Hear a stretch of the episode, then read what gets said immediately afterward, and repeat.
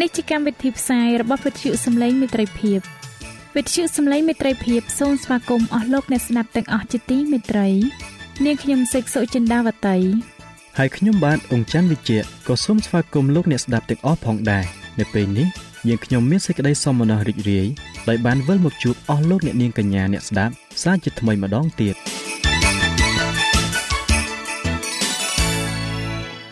នាងខ្ញុំសេកសុចិន្តាវតី សូមជម្រាបជូនកម្មវិធីផ្សាយដែលមានជាបន្តបន្ទាប់ដូចតទៅនេតិជួបជាមួយព្រះបន្ទូលនេតិសុខភាពចា៎លោកអ្នកស្ដាប់ជាទីមេត្រី នាងខ្ញុំសូមគោរពអញ្ជើញអស់លោកលោកស្រី អ្នកនាងកញ្ញាតាមដានស្ដាប់កម្មវិធីផ្សាយរបស់វិទ្យុយើងខ្ញុំដូចតទៅ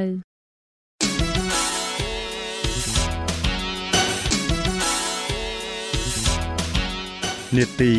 ជួបជាមួយព្រះបន្ទូល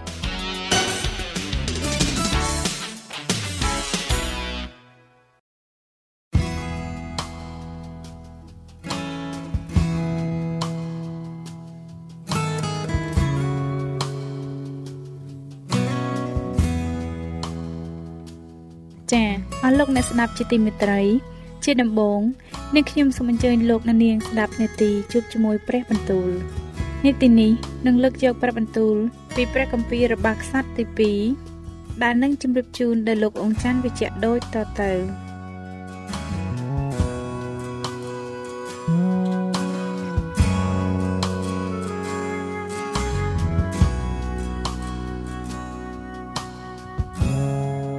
ព្រះគម្ពីររបាយខ្សត្រទី2ជំពូកទី25ឯអាម៉ាស៊ីយ៉ាកាលចាប់តាំងសោយរាជឡើងនោះទ្រង់មានប្រជជន25ឆ្នាំហើយក៏សោយរាជនៅក្នុងក្រុងយេរូសាឡឹមបាន29ឆ្នាំព្រះមេដាទ្រង់ព្រះនាមជាយ៉ូអាដាន ជាអ្នកក្រុងយេរូសាឡឹមទ្រង់ប្រព្រឹត្តសេចក្តីដែលត្រឹមត្រូវនៅព្រះនេត្រព្រះយេហូវ៉ាតែមិនមែនដោយប្រតិស្មោះចំពោះទេ កាលរាជបានតាំងនៅជាប់ក្នុងអំណាចទ្រង់ហើយ នោះទ្រង់ក៏សម្លាប់ពួកបម្រើដែលបានធ្វើគុតស្ដេចជាព្រះបិតាទ្រង់ទៅ តែមិនបានសម្លាប់កូនចៅគេទេ គឺបានធ្វើតាមសេចក្តីដែលចែងទុកមកក្នុងគម្ពីរក្រឹតវិន័យរបស់លោកម៉ូសេវិញ ជាសេចក្តីដែលព្រះយេហូវ៉ាបានបញ្ញត្តិថាឪពុកមិនត្រូវស្លាប់ដោយព្រោះកូន ឬកូនដោយព្រោះឪពុកឡើយគឺគ្រប់គ្នាត្រូវស្លាប់ដោយព្រោះអំពើបាបរបស់ខ្លួនរៀងខ្លួនវិញមួយទៀតអាម៉ាស៊ីយ៉ាទ្រង់ប្រមូលពួកយូដាឲ្យមូលគ្នា រួមផ្គុំគេតាមវង្សានុវង្សរបស់ឪពុកគេ នៅក្រៅអំណាចនៃមេលើ1000នាក់និងមេលើ100នាក់គឺទាំងពួកយូដា និងពួកបេនយ៉ាមីនទាំងអស់ផងក៏រាប់គេចាប់តាំងពីអាយុ20ឆ្នាំឡើងទៅលើឃើញមានមនុស្សជ្រើសរើស3សែននាក់ដែលសុទ្ធតែអាចនឹងទៅច្បាំងបានហើយចេះកាន់លំពែងនិងខែលផងទ្រង់ក៏ជួលមនុស្សខ្លាំងពូកែមានចិត្តក្លាហាន ពីស្រុកអ៊ីស្រាអែលបានចំនួន1សែននាក់អស់តម្លៃជាប្រាក់100ហាប តែមានអ្នកសំណប់របស់ព្រះម្នាក់បកលទ្រង់ទូលថាបបពុតប្រកាសរណាអើយកុំបើកឲ្យពលទ័ពរបស់ពួកអ៊ីស្រាអែលទៅជាមួយនឹងទ្រង់ឡើយបាត់ព្រះយេហូវ៉ាទ្រង់មិនគង់នៅជាមួយនឹងពួកអ៊ីស្រាអែលគឺនឹងពួកកូនចៅអេប្រាអឹមទាំងអំបាលម៉ានទេ តែបើទ្រង់នាំគេទៅនោះស្រេចនឹងប្រហាររតីចុះត្រូវខំប្រឹងឲ្យមានកម្លាំងឡើងសម្រាប់នឹងច្បាំងទៅ ព្រះនឹងធ្វើឲ្យទ្រង់ដួលនៅមុខពួកខ្មាំងសត្រូវ ត្បិតព្រះទ្រង់អាចនឹងជួយឬធ្វើឲ្យដួលក៏បានរួចអាម៉ាស៊ីយ៉ាទ្រង់សួរតបទៅអ្នកសំណប់របស់ព្រះថាចោះចំណែកប្រាក់100ហាបដែលយើងបានប្រគល់ទៅឲ្យពួកទ័ពអ៊ីស្រាអែលនោះដូចម្ដេចទៅអ្នកសំណប់របស់ព្រះទូលឆ្លើយថាព្រះយេហូវ៉ាទ្រង់អាចនឹងប្រទានឲ្យទ្រង់បានជាច្រើនលើសជាងនេះទៅទៀតដូច្នេះអាម៉ាស៊ីយ៉ាក៏ញែកគេចេញពីគ្នា គឺញែកពួកទ័ពដែលមកពីស្រុកអេប្រាអឹម ឲ្យគេត្រឡប់ទៅឯផ្ទះវិញ គេក៏កើតមានសេចក្តីកំហឹងឈួលក្តៅឡើងនឹងពួកយូដាហើយគេត្រឡប់ទៅវិញដោយសេចក្តីខូខើជាខ្លាំងឯអាម៉ាស៊ីយ៉ាទ្រង់មានប្រតិខ្លាឡើងក៏លើកទ័ពចេញទៅឯច្រកភ្នំអំបិលប្រហែលសម្រាប់ពួកកូនចៅសៀអស់10000នាក់ហើយ10000ទៀតគឺពួកកូនចៅយូដាក៏ចាប់ទាំងរស់ហើយដឹកនាំទៅឯកំពូលថ្មភ្នំ បោះទម្លាក់ទៅក្រោមឲ្យបាក់បែកខ្ទេចខ្ទីអស់ទៅ តែឯពួកទ័ពបាត់អាម៉ាស៊ីយ៉ាបានឲ្យទៅវិញមិនឲ្យទៅច្បាំងជាមួយនោះ គេក៏ចូលទៅវាយទីក្រុងស្រុកយូដាទាំងប៉ុន្មានចាប់តាំងពីស្រុកសាម៉ារី រហូតដល់ក្រុងបេតហូរុនប្រហារសម្លាប់មនុស្សអស់3000នាក់ហើយចាប់យករបបបានជាច្រើនដែររីឯអាម៉ាស៊ីយ៉ាកាលទ្រង់ត្រឡប់មកពីការប្រហារសម្លាប់ពួកអេដុំវិញ នោះទ្រង់នាំយកអស់ទាំងព្រះរបស់ពួកកូនចៅសៀមកតាំងឡើងជាព្រះរបស់ទ្រង់ក៏ក្រាបថ្វាយបង្គំហើយដុតកំញានថ្វាយដល់ព្រះទាំងអស់នោះហើយនោះសេចក្តីក្រេវក្រោធរបស់ព្រះយេហូវ៉ាបានឈួរឡើងទាស់នឹងអាម៉ាស៊ីយ៉ាក៏ចាត់ហោរាម្នាក់ឲ្យទៅឯទ្រង់ទូលថាប្តេជ្ញក៏ទ្រង់រកតាមព្រះរបស់សាសនោះដែលមិនអាចនឹងជួយពួកគេឲ្យរួចពីកណ្ដាប់ព្រះហស្ថទ្រង់ផងដូច្នេះគ្រាការលោកកំពុងតែទូលនឹងស្ដេចនៅឡើយ នោះទ្រង់មានព្រះបន្ទូលកាត់ថាតើយើងបានតាំងឯងឲ្យធ្វើជាអ្នកជួយគំនិតស្ដេចឬចូលនៅស្ងៀមទៅឯងចង់ឲ្យគេប្រហារឯងបងធ្វើអីដូច្នេះលោកក៏លែងពោលដោយពាក្យនេះថាទូលបង្គំដឹងពិតថាព្រះទ្រង់បានសម្រេចនឹងបំផ្លាញប្រការណាទៅដោយព្រោះបានធ្វើអំពើយ៉ាងនេះហើយមិនស្ដាប់តាមសេចក្តីដាស់តឿនរបស់ទូលបង្គំនៅគ្រានោះអាម៉ាស៊ីយ៉ាជាស្ដេចយូដាទ្រង់ទទួលព្រមតាមសេចក្តីប្រឹក្សារបស់គេ ក៏ចាត់សារឲ្យទៅយកអាហាដែលជាបុត្រាយេហូស្ដេចពួកអ៊ីស្រាអែលថាចូលចេញមកយើងមើលមុខគ្នា តែយូអាជាស្ដេចអ៊ីស្រាអែលទ្រង់ចាត់សារទៅឯអាម៉ាស៊ីយ៉ាជាស្ដេចយូដាវិញថាដែលបន្លាដែលដោះនៅលើភ្នំលបាណូនបានចាត់សារទៅឯដើមតាត្រូវនៅភ្នំលបាណូនថាចូលលើកកូនស្រីឯងមកឲ្យធ្វើជាប្រពន្ធរបស់កូនប្រុសអញក៏មានសត្វព្រៃដែលនៅភ្នំលបាណូនមកតាមនោះ ជន់ឆ្លីដើមបន្លានោះទៅទ្រង់មានព្រះបន្ទូលថាមើលយើងបានវាឈ្នះពួកសាសអេដុំហើយព្រះតីទ្រង់បានដំកើងទ្រង់ឡើងឲ្យបានអួតខ្លួនចូលនៅឯដំណាក់ទ្រង់ទៅតើចង់រករឿងដែលនឹងនាំឲ្យមានអន្តរាយឲ្យទ្រង់ត្រូវដួលព្រមទាំងពួកយូដាផងធ្វើអីតែអាម៉ាស៊ីយ៉ាទ្រង់មិនព្រមស្ដាប់តាមទេត្បិតការនោះកើតមកពីព្រះដើម្បីឲ្យទ្រង់បានប្រគល់សាសយូដាទៅក្នុងកំដាប់ដៃគេ ដោយព្រោះបានស្វែងរកតាមអស់ទាំងព្រះរបស់សាសអេដុំដូច្នេះយូអាជាស្ដេចអ៊ីស្រាអែលទ្រង់ក៏យាងឡើងទៅរួចទ្រង់និងអាម៉ាស៊ីយ៉ាជាស្ដេចយូដាក៏មើលមុខគ្នា នៅត្រង់ក្រុងបេតសេមេសជាក្រុងរបស់ពួកយូដាពួកយូដាក៏ចាញ់ពួកអ៊ីស្រាអែលហើយរត់ទៅឯទីលំនៅគេរៀងខ្លួនវិញឯយូអាសជាស្ដេចអ៊ីស្រាអែលទ្រង់ចាប់អាម៉ាស៊ីយ៉ាស្ដេចយូដាជាបុត្រយូអាសដែលជាបុត្រអាហាស៊ីយ៉ា នៅត្រង់បេតសេមេសបានក៏នាំទៅឯក្រុងយេរូសាឡឹមហើយរំលំកំផែងក្រុងយេរូសាឡឹមចាប់តាំងពីទ្វីបអេប្រាអឹមរហូតដល់ទ្វេជ្រុងកំផែងអស់400ហាត់ទ្រង់ក៏យកអស់ទាំងមាសប្រាក់និងគ្រឿងប្រដាប់ទាំងប៉ុន្មានដែលឃើញមាននៅក្រោមអំណាចអូបេតអេដុំក្នុងព្រះវិហារនៃព្រះហើយនៅក្នុងព្រះរាជទ្រព្យទាំងប៉ុន្មានព្រមទាំងចាំមនុស្សបញ្ចាំទុករួចនាំទាំងអស់ត្រឡប់ទៅឯក្រុងសាម៉ារីវិញក្រោយដែលយូអាស ជាបុត្រាយូអាហាសស្ដេចអ៊ីស្រាអែលបានសគត់ហើយនោះអាម៉ាស៊ីយ៉ាជាបុត្រាយូអាសស្ដេចយូដាទ្រង់មានប្រជជនរស់នៅបាន15ឆ្នាំទៀតរីឯដំណើរឯទៀតពីអាម៉ាស៊ីយ៉ាទាំងមុនទាំងក្រោយនោះសុទ្ធតែបានកត់ទុកនៅក្នុងសិភៅពីពួកស្ដេចយូដានិងអ៊ីស្រាអែលហើយរីឯអាម៉ាស៊ីយ៉ាចាប់តាំងពីវេលាដែលទ្រង់បានបែកចេញលែងតាមព្រះយេហូវ៉ាទៅនោះមានគេកើតមានគំនិតគិតក្បត់នឹងទ្រង់ នៅក្រុងយេរូសាឡឹមទ្រង់ក៏រត់ទៅឯក្រុងឡាគីសតែគេចាត់មនុស្សឲ្យទៅតាម ហើយធ្វើគុតទ្រង់នៅទីនោះរួចគេនាំយកសពទ្រង់ដាក់លើសេះមកវិញបញ្ចុះនៅក្រុងដាវីតជាមួយនឹងពួកអាយកោទ្រង់ទៅ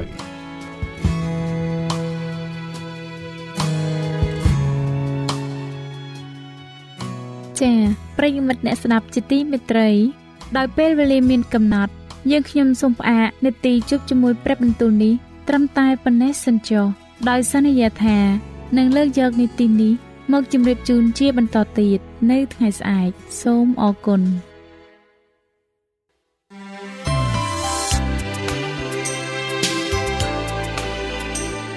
វិទ្យុសំឡេងមេត្រីភាព AWR នាំមកជូនលោកអ្នកនៅសារនៃសេចក្តីស្រឡាញ់ពីព្រះអង្គម្ចាស់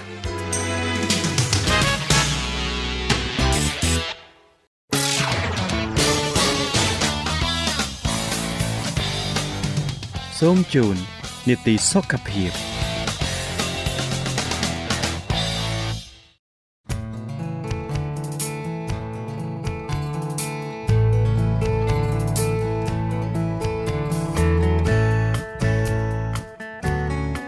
ចា៎នៅក្នុងនីតិសុខភាពនៅថ្ងៃនេះ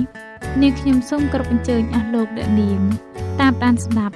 មេរៀនសុខភាពដែលនឹងជម្រាបជូនដោយកញ្ញាឌីណាដូចតទៅ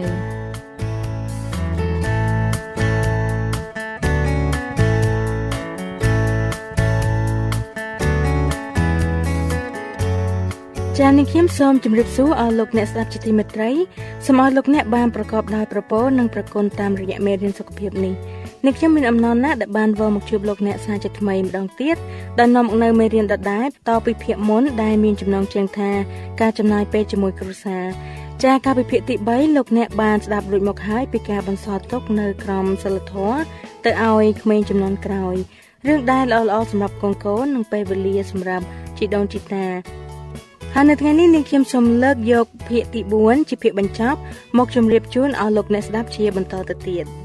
ចាដូច្នេះនាងខ្ញុំសូមគោរពអញ្ជើញលោកអ្នកតាមដានស្ដាប់ភាគបញ្ចប់នៃមេរៀននេះជាមួយនឹងនាងខ្ញុំដូចតទៅចំណុចទី16ពេលវេលាជាមួយព្រះ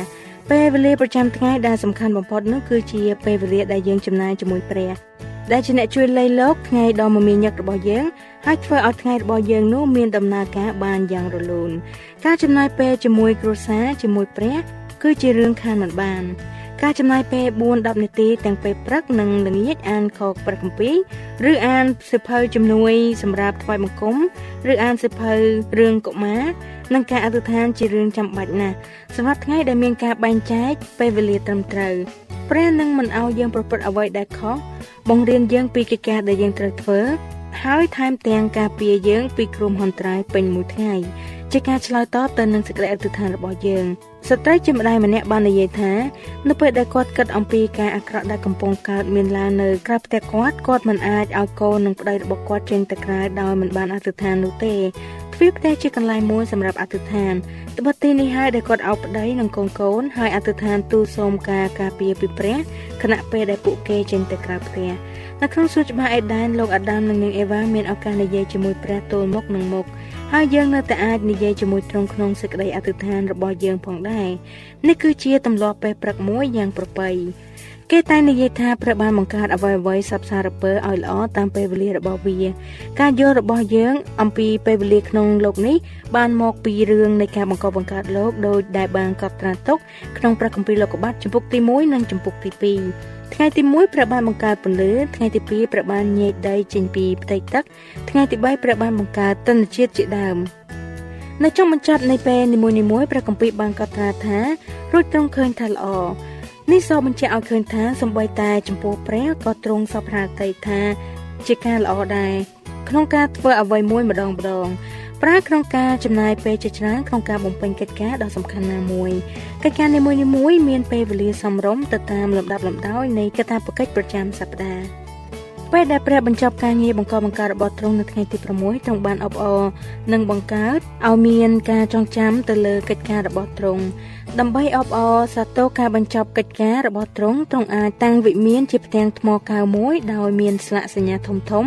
ដែលអាចអានពីចម្ងាយបាន ប៉ុន្តែបើធ្វើដូច្នេះម្លេះមនុស្សគ្រប់គ្នាមិនអាចទស្សនាវិមាននោះបានទេផ្ទុយទៅវិញទ្រង់បានបង្កើតពិធីរំលឹករបស់ទ្រង់ដោយប្រើពេលវេលាវិញដើម្បីទុកឲ្យរាជផងទ្រង់គ្រប់គ្រួសារអាចថ្វាយបង្គំទ្រង់ទុកជាព្រះអធិការរបស់ពួកគេនិងអបអរជួបជុំក្រុមគ្រួសារក្នុងថ្ងៃដ៏ពិសេសនេះយោងទៅតាមការចាប់ផ្ដើមដែលស៊ីគ្នានៅក្នុងសួនអេដែននេះហើយ បានជាថ្ងៃបរិសុទ្ធនិងគ្រួសារជាប់តាក់ទងគ្នាមិនអាចបំបែកចេញពីគ្នាបានឡើយដើម្បីធានាមិនឲ្យមនុស្សលោកចំណាយពេលវេលាឥតឈប់សម្រាកឥតឈប់សម្រាកពីកិច្ចការប្រចាំថ្ងៃនោះព្រះបានញែកថ្ងៃមួយចេញដើម្បីឲ្យរៀងរាល់ថ្ងៃទី7ពួកគេអាចចូលមកសម្រាប់ដោយក្តីរីករាយព្រះគម្ពីរបានចែងថាដូច្នេះផ្ទៃមេឃនិងផែនដីក៏បានរួចជាស្រេចព្រមទាំងរបស់សត្វសារពើផងលោកដល់ថ្ងៃទី7ការដែលព្រះទ្រង់ធ្វើ នោះបានហើយជាស្រេចទ្រង់ក៏ឈប់ផ្អាកសម្រាប់នៅថ្ងៃទី7នោះពីគ្រប់ទាំងការដែលទ្រង់ធ្វើព្រះទ្រង់ក៏ប្រទានពរដល់ថ្ងៃទី7នោះព្រមទាំងញែកទុកជាថ្ងៃបរិសុទ្ធពីព្រោះនៅថ្ងៃនោះទ្រង់បានជប់សម្រាកពីគ្រប់ទាំងការដែលទ្រង់បានបង្កើតបានធ្វើលោកក៏បានចំពុកទី1ខ1និងខ2 ចំណុចទី17និយាយពីថ្ងៃបរិសុទ្ធនៅក្នុងសួនអេដែននិងលើភ្នំស៊ីណាយថ្ងៃបរិសុទ្ធត្រូវបានផ្ដល់ឲ្យមកជាអំណោយដ៏ពិសេសមួយរយៈពេលដ៏បរិសុទ្ធទាំងនេះអនុញ្ញាតឲ្យអ្នកចំណាយពេលជាមួយក្រុមគ្រួសារនិងព្រះអធិការរបស់លោកអ្នកមនុស្សលោកធ្វើការបានយ៉ាងប្រពៃក្នុងរយៈពេល7ថ្ងៃបន្ទាប់ពីធ្វើការអស់រយៈកាល6ថ្ងៃរួចមកថ្ងៃទី7ធ្វើឲ្យរាងកាយនិងប្រលឹងវិញ្ញាណរបស់លោកអ្នកឲ្យស្រស់បំព្រងឡើងវិញ ក្នុងកំឡុងពេលបដិវត្តរបស់ប្រទេសបារាំងលោកណាប៉ូឡេអុងមិនត្រឹមតែបង្កើតប្រព័ន្ធពេលវេលាថ្មីប៉ុណ្ណោះទេ តែថែមទាំងព្យាយាមបដូរឲ្យមាន10ថ្ងៃក្នុងមួយសប្តាហ៍វិញ តែការនោះគឺជាការបរាជ័យទាំងស្រុងព្រោះរាងកាយវិញ្ញាណនិងអារម្មណ៍រងផលប៉ះពាល់ជាទម្ងន់រាងកាយនិងអារម្មណ៍របស់យើងដំណើរការបានល្អតែក្នុងរយៈពេលតែមួយសប្តាហ៍ដែលមានតែ7ថ្ងៃប៉ុណ្ណោះព្រះមិនអនុញ្ញាតឲ្យមាន10ថ្ងៃក្នុងមួយសប្តាហ៍ទេការពីបង្កបង្កើតលោកព្រះបានឆ្នៃឲ្យគ្រួសារមានគ្នាពោលគឺឲ្យធ្វើការជាមួយគ្នាលេងជាមួយគ្នាអធិដ្ឋានជាមួយគ្នាសើចជាមួយគ្នានិងស្រឡាញ់គ្នាទៅវិញទៅមក គេហដ្ឋានត្រូវតែជាកន្លែងដែលមានសេចក្តីស្រឡាញ់ពិតហើយចែងចាំងនៅគ្រប់ទាំងសមាជិកគ្រួសារដោយឪពុកម្ដាយផ្ដោតសំខាន់ទៅលើការអប់រំនិងផ្ទេរសេចក្តីជំនឿទៅក្មេងៗជំនាន់ក្រោយចំណុចទី18ការប្រើប្រាស់ពេលវេលាដើម្បីពង្រឹងគ្រួសារខាងក្រោមនេះគឺជាគំនិតខ្លះដើម្បីប្រើប្រាស់ពេលវេលារបស់លោកនេះឲ្យបានល្អបំផុតជាមួយគ្រួសារ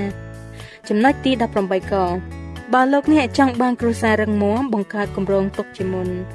កំណត់ការបរិច្ឆេទរបស់លោកអ្នកសម្រាប់កម្មវិធីគ្រួសារដើម្បីឲ្យគ្រប់គ្នាអាចចូលរួមក្នុងកម្មវិធីនោះដូចជាដើរកម្សាន្តមួយថ្ងៃទៅបោះជំរំថ្ងៃខួបកំណើតឬត្រីជួបជុំគ្រួសារប្រិយប្រពន្ធចំណាយពេលវេលានៅជាមួយគ្នាកម្មវិធីផ្សេងផ្សេងសកម្មភាពជួយអ្នកដទៃនិងការណាត់ជួបពិនិត្យសុខភាពជាដើមឡើយ ការរៀបចំគម្រោងទុកជាមុនរួមបញ្ចូលទាំងការដឹងពីអត្ថភាពដែលឆ្លើយតបទៅនឹងតម្រូវការជាក់ស្ដែងរបស់បុគ្គលនីមួយៗនិងពេលវេលាផ្សេងៗគ្នាលោកបណ្ឌិត Dean Ornish ជាអ្នកវិទ្យាសាស្ត្រដ៏ល្បីម្នាក់ដែលបានបង្ហាញមុនគេបង្អស់ថាជំងឺបេះដូងមិនត្រឹមតែអាចបញ្ឈប់ទេតែថែមទាំងអាចព្យាបាលឲ្យបានជាសះស្បើយឡើងវិញដោយបដូរឲ្យមានការរស់នៅត្រឹមត្រូវហើយគាត់ក៏បានប្រាប់ពីដំណាក់កាលមួយនៃការងាររបស់គាត់ដែលមានគេផ្ដល់ការងារមួយដែលគាត់ស្រមៃចង់ធ្វើ តាំងតែពីគាត់ចាប់ផ្ដើមធ្វើការមកម្លេះមានចំណុចរាំងស្ទះតែមួយទេគឺ បើទោះបីជាវាជាការងារដ៏វិសេសដ៏ពិតមែនតែវាត្រូវការពេលវេលាដោយការពីរូបលោកនិងភរិយាចង់ចាប់ផ្ដើមគ្រួសារថ្មីអញ្ចឹងដែរ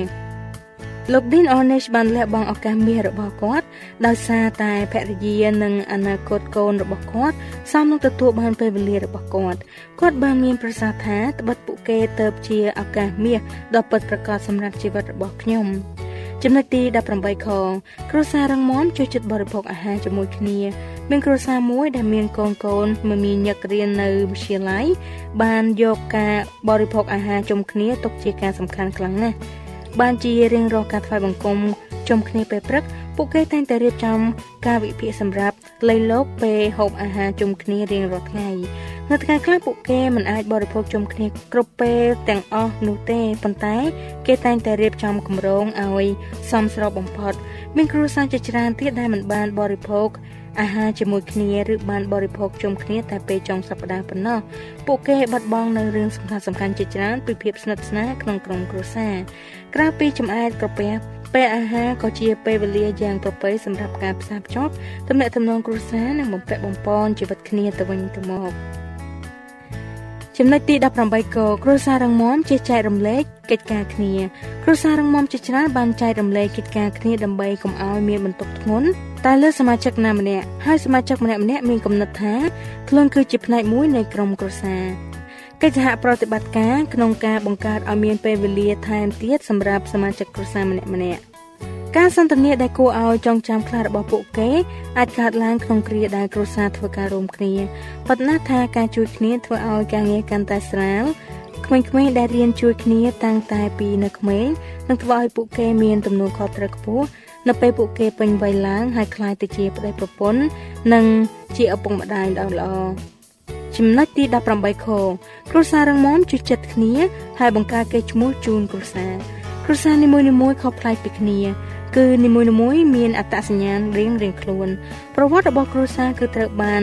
ដកជាប់ក្នុងខួរក្បាលជានិច្ចការនិទានរឿងគឺជាវិធីមួយដើម្បីផ្ទេរលក្ខណៈពិសេសរបស់គ្រួសារមួយទៅឲ្យក្មេងៗជំនាន់ក្រោយ តែវាទាមទារពេលវេលាដើម្បីរក្សាទុកនិងនិទានរឿងរបស់គ្រួសារឡើងវិញនៅពេលដែលលោកអ្នកនិទានរឿងកំ pl ែងអំពីអតីតកាល កម្រិតនៃសារធាតុ endorphin ដែលជួយបន្ថយភាពតានតឹង ដែលមានក្នុងឈាម បានកើនឡើងហើយធ្វើឲ្យអ្នកស្ដាប់មានអារម្មណ៍សប្បាយចាលោកអ្នកស្ដាប់ជាទីមេត្រីមានគូស្វាមីភរិយាមួយគូបានសរសេរថាកាលពីល្ងាចថ្ងៃអាទិត្យពួកខ្ញុំបានទទួលទានអាហារជាមួយបងប្អូនជីដូនមួយផ្លាត់របស់ខ្ញុំ ជីដូនមួយរបស់ខ្ញុំឈ្មោះ Jim Ben និយាយអំពីពេលដែលគាត់ដើរលក់សភៅពេញមួយរដូវក្តៅដើរទៅត្រកពីផ្ទះមួយទៅផ្ទះមួយហើយខាតតែ100ដុល្លារគាត់បន្ទាប់មកចនក៏បានប្រាប់រឿងលក់សភៅជាមួយប្អូនស្រីរបស់គាត់វិញម្ដងគាត់និទានរឿងមួយអំពីអ្នកចំការដែលគិតថាគាត់លួចឡានរបស់គេព្រោះឡាននោះមានស្លាកលេខរបស់រដ្ឋផ្សេងពួកគេក៏រាយការណ៍ប្រាប់ប៉ូលីសហើយប៉ូលីសក៏ចាប់ឡានគាត់ទុក រឿងរ៉ាវទាំងពីរដែលកាលពី45ឆ្នាំមុន ស្ដាប់ទៅហាក់កំសត់ណាស់តែប្រែក្លាយទៅជារឿងកំ pl ែងទៅវិញនៅពេលនេះយើងទាំងអស់គ្នាសើចតតាហៀទឹកភ្នែកក្មេងៗចំនួនក្រោយដែលស្ដាប់ការសន្ទនានេះក៏សើចដែរពួកគេប្រហែលជាយល់បានថាមិនមែនមានតែក្មេងៗចំនួននេះទេដែលជួបនឹងបញ្ហានោះចាហើយតើលោកអ្នកមានរឿងព្រេងឬរឿងនិទានអ្វីខ្លះប្រចាំគ្រួសាររបស់លោកអ្នកចូលនិទានរឿងទាំងនោះឲ្យក្មេងៗចំនួនក្រោយបានស្ដាប់ផង ចំណុចទី19ការលើកទឹកចិត្តដល់គ្រួសារនៅទសវត្ស70លោកស្រី Susanna Wesley រស់នៅក្នុងតំបន់ Ipswich នៃប្រទេសអង់គ្លេសគាត់ជាម្ដាយនិងជាប្រពន្ធអ្នកដឹកនាំសាសនាដ៏ល្អម្នាក់លោកស្រី Susanna មានកូន19នាក់ហើយ10នាក់នៅរស់ កូនប្រុសរបស់គាត់ឈ្មោះ John គឺជាកូនទី15លោកស្រី Susanna គ្រប់គ្រងផ្ទះសម្បែងបង្រៀនកូនគាត់ដល់ខ្លួនឯងនិងចាត់ចែងក្រុមស្ត្រីផ្សេងទៀតតែទោះបីជាកិច្ចការមមាញឹកយ៉ាងនេះហើយក្តី គាត់បានបង្កើតច្បាប់មួយគឺត្រូវចំណាយពេល1ម៉ោងសម្រាប់កូនម្នាក់ម្នាក់ក្នុងមួយសប្តាហ៍បែបនេះគឺមានន័យថា10ម៉ោងក្នុងមួយសប្តាហ៍នៅល្ងាចថ្ងៃព្រហស្បតិ៍គឺជាពេលរបស់ចនហើយគាត់មានការប្រុងប្រយ័ត្នយ៉ាងខ្ពស់ចំពោះចនដោយសារតែគ្រោះថ្នាក់កាលពីក្មេងនៅពេលដែលគេបានរួចជីវិតដោយសារតែ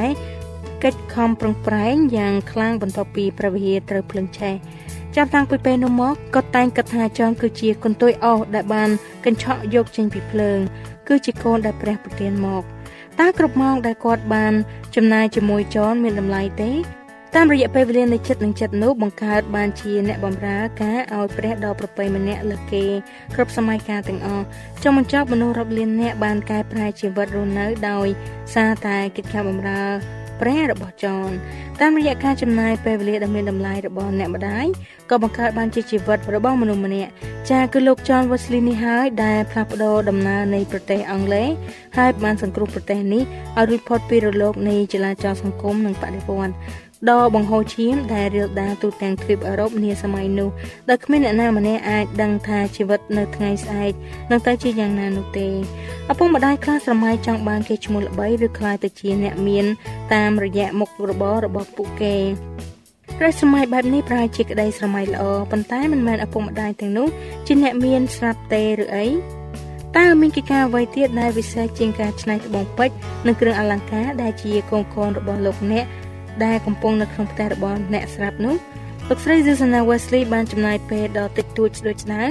ហើយស្ថាបនាអត្តចរិតមួយដែលស្ថិតស្ថេរជារៀងរហូតលោកអ្នកក៏មាន60នាទីក្នុងរយៈពេល1ម៉ោងដែរសូមប្រជាម្ចាស់ដឹកនាំលោកអ្នកខណៈពេលដែលលោកអ្នកយកវត្ថុធាតុដើមដែលជាពេលវេលានៃគ្រួសារទៅកែច្នៃធ្វើឲ្យបានជាគ្រឿងអលង្ការដែលភ្លឺចិញ្ចែងចិញ្ចាចដែលនឹងចាញ់ចាំងពីសេរីល្អរបស់ព្រះជារៀងរហូត។ ហើយពេលវេលាដែលកន្លងបាត់ទៅ វាគឺជា គឺវាបានកន្លងបាត់ទៅជារៀងរហូតហើយតើកម្រងការសម្រាប់ចំណាយពេលវេលាជាមួយក្រុមគ្រួសាររបស់យើងមានអ្វីខ្លះចាមានដូចជា មានសកម្មភាពសប្បាយសប្បាយច្រើនថែមទៀតការហាត់ប្រាណជាមួយគ្រួសារការធ្វើវិស្សមការជាមួយគ្រួសារពេលវេលាសម្រាប់ពិគ្រោះយោបល់ជាមួយគ្រួសារនិងធ្វើកិច្ចការជាមួយគ្នា ចាគ្រួសារដែលលេងជាមួយគ្នា នៅជាប់ជាមួយគ្នាជានិច្ច ចាចំណុចទី20ចុងក្រោយនេះខ្ញុំនឹងជម្រាបជូនពីសំណួរពិចារណាសំណួរទី1មានមនុស្សខ្លះបានលួចប្លន់យកលុយពីលោកអ្នកតើអ្វីមួយឬតើនរណាម្នាក់ខ្លះបានប្លន់យកពេលវេលារបស់លោកអ្នកតើលោកអ្នកមានអារម្មណ៍បែបណាអំពីរឿងនេះតើអ្វីទៅជាចោលប្លន់យកពេលវេលារបស់លោកអ្នកច្រើនជាងគេតើលោកអ្នកអាចដោះស្រាយយ៉ាងណាចំពោះការប្លន់នេះ សំណួរទី2បើទោះបីជាស្ថិតនៅក្នុងពិភពលោកដែលរវល់ជាប់ជាមួយនឹងគ្រឿងអេឡិចត្រូនិកដែលពោពេញទៅដោយការរស់នៅដែលមានភាពតានតឹងនិងស្មុគស្មាញដ៏ពិតមែនតើមានសកម្មភាពល្អៗអ្វីខ្លះដែលគ្រួសារអាចធ្វើជាមួយគ្នាដោយក្តីអំណរបានចាអរលោកអ្នកស្ដាប់ជាទីមេត្រីពេលវេលានៃនាទីសុខភាពរបស់យើងខ្ញុំ បានមកដល់ទីបញ្ចប់ហើយមេរៀនដែលនិយាយពីអត្ថប្រយោជន៍នៃការចំណាយពេលវេលាជាមួយក្រុមគ្រួសារក៏សន្មតថាចប់ជាបរិបូរណ៍ដែរតែអ្នកខ្ញុំនឹងវិលមកជួបលោកអ្នកវិញម្ដងទៀតតាមពេលវេលានៅម៉ោងដដែលដោយនាំមកនៅមេរៀនថ្មីៗជាច្រើនទៀតសម្រាប់ជាចំណេះដឹងក្នុងការជួយដល់លោកអ្នកនៅពេលអ្នកត្រូវការចាដូច្នេះសូមឲ្យប្រជាម្ចាស់ប្រទានពរដល់អស់លោកអ្នកបងប្អូនទាំងអស់គ្នាសម្រាប់ពេលនេះនាងខ្ញុំឌីណាសូមអរគុណសូមជម្រាបលា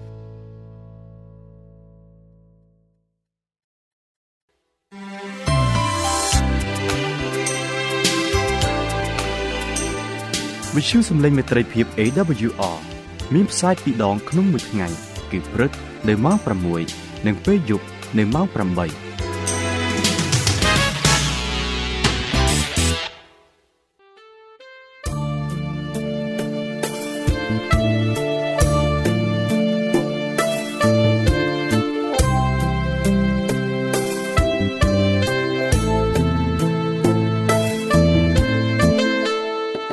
ជាលោកអ្នកមានសំណួរ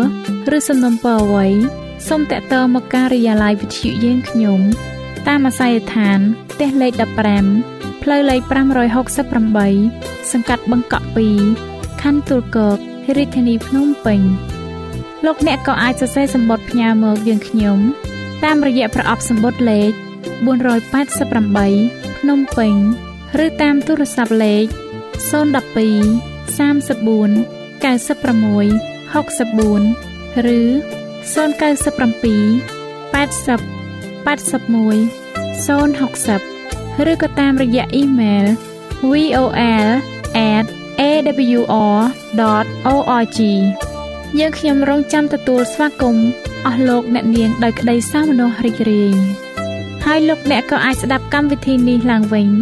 ដោយចូលទៅកាន់ website របស់វិទ្យុយើងខ្ញុំ តាមរយៈអាស័យដ្ឋាន www.awr.org